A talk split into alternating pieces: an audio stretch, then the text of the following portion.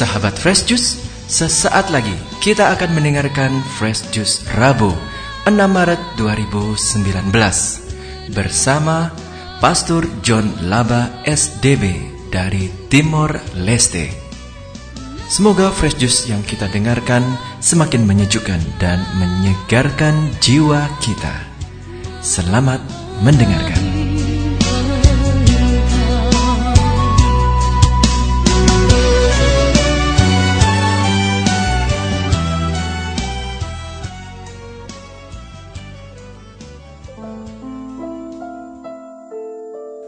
Saudara-saudari yang dikasihi Tuhan, kita berjumpa lagi dalam Daily Fresh Juice pada hari ini, hari Rabu Abu.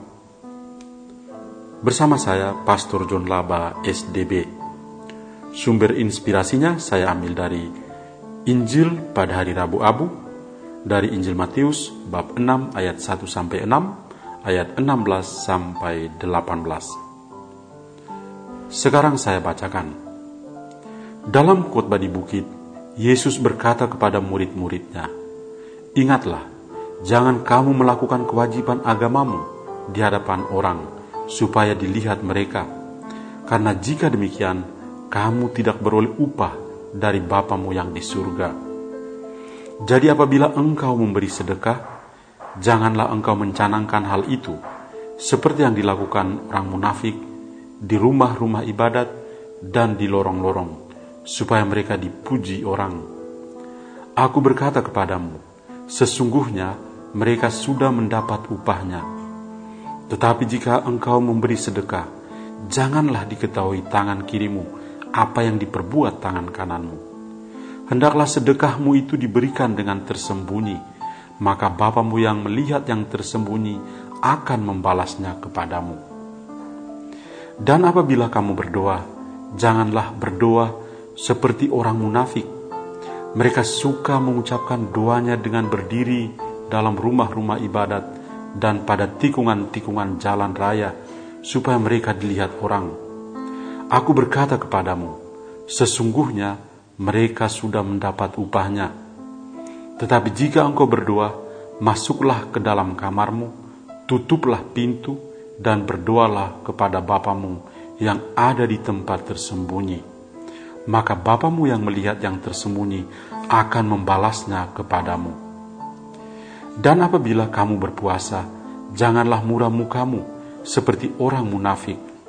Mereka mengubah air mukanya supaya mereka, supaya orang melihat bahwa mereka sedang berpuasa. Aku berkata kepadamu, sesungguhnya mereka sudah mendapat upahnya. Tetapi apabila engkau berpuasa, minyakilah kepalamu dan cucilah mukamu, supaya jangan dilihat orang bahwa engkau sedang berpuasa, melainkan hanya Allah Bapamu yang ada di tempat tersembunyi. Maka Bapamu yang melihat yang tersembunyi akan membalasnya kepadamu. Demikianlah Injil Tuhan kita. Terpujilah Kristus.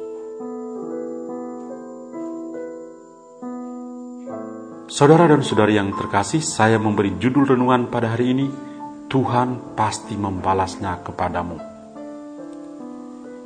Kita memasuki masa prapaskah yang kiranya menjadi serupa dengan sebuah retreat agung bagi umat Allah selama 40 hari di tahun 2019 ini. Ini adalah masa yang kita nantikan untuk membaharui diri dari saat ke saat supaya layak merayakan Paskah dengan hati yang suci dan murni. Bapak Suci Paus Fransiskus pada tanggal 26 Februari yang lalu menulis pesan prapaskah kepada seluruh gereja dengan tema Sebab dengan sangat rindu seluruh makhluk menantikan saat anak-anak Allah dinyatakan. Surat Santo Paulus kepada jemaat di Roma bab 8 ayat 19. Paus Fransiskus dalam pesan Prapaskah ini berharap agar kita semua sebagai gereja tidak membiarkan masa retreat agung ini berlalu begitu saja. Sebaliknya, kita harus berusaha untuk hidup sebagai anak-anak Allah yang mengakui dan patuh kepada hukum dan ketetapan-ketetapannya, dan menghayatinya dengan saudari dan saudara di sekitar kita. Di samping itu beliau berharap agar umat Katolik membaharui dirinya. Ia menulis begini, dosa telah menuntun manusia sehingga menganggap dirinya sebagai Allah ciptaan untuk melihat dirinya sendiri sebagai penguasa mutlak dan memanfaatkan ciptaan bukan untuk tujuan yang dikehendaki oleh Sang Pencipta, melainkan untuk kepentingannya sendiri. Tuhan menganugerahkan kasih dan kebaikannya kepada orang berdosa melalui pengampunan yang berlimpah dan orang-orang berdosa itu boleh bertobat dan mendapat balasan dari Tuhan yaitu hidup baru dan hidup kekal. Mengapa kita butuh kesempatan untuk membaharui diri selama masa prapaskah ini? Kita memang perlu dan harus membaharui diri karena kita semua orang berdosa kita telah berdosa melawan Tuhan dan sesama dengan sadar dan juga sengaja. Saya mengingat Santa Teresa dari Kalkuta. Beliau pernah berkata begini, beberapa orang kudus menggambarkan diri mereka sebagai penjahat yang mengerikan karena mereka melihat Tuhan. Mereka melihat diri mereka sendiri dan dari saat mereka menemukan letak perbedaannya, Perkataan orang kudus modern ini menggambarkan kehidupan kita yang nyata di hadirat Tuhan. Kalau kita berada di hadirat Tuhan, kita akan merasa bahwa diri kita itu tidak lebih dari sebutir debu. Betapa diri kita itu hina di hadirat Tuhan karena dosa dan salah yang sadar dan tidak sadar juga sengaja kita lakukan di setiap waktu kehidupan kita. Tuhan Allah sendiri berkata, dosa itu sudah mengintip di depan pintu. Ia sangat menggoda engkau, tetapi engkau harus berkuasa atasnya. Tuhan Yesus dalam Injil hari ini memberikan pesan konkret yang dapat kita lakukan supaya menjadi sungguh-sungguh Kristiani. Pesan-pesan itu yang harus kita lakukan selama masa retret agung ini. Ada tiga hal yang Tuhan Yesus pesankan kepada kita. Ketiga hal yang dimasukkan adalah derma, doa, dan puasa. Ketiga kata kunci ini menjadi trilogi yang harus kita jalani selama masa prapaskah. Saya kembali meminjam komentar Paus Fransiskus dalam pesan prapaskanya tentang trilogi ini. Pertama, derma. Dalam berderma, kita berusaha untuk melepaskan diri dari kegilaan untuk menimbun segala-galanya bagi diri kita. Dalam keyakinan, ilusi bahwa kita dapat menjamin masa depan yang bukan milik kita. Kita berderma berarti kita melakukan karya amal kasih kepada sama yang sangat membutuhkan. Sebab mereka adalah Kristus yang lain yang kelihatan di mata kita saat ini. Kedua, doa. Doa mengajarkan kita untuk meninggalkan sikap menyembah berhala dan kemandirian ego serta mengakui bahwa kita memang membutuhkan Tuhan dan belas kasihnya. Ketiga, puasa.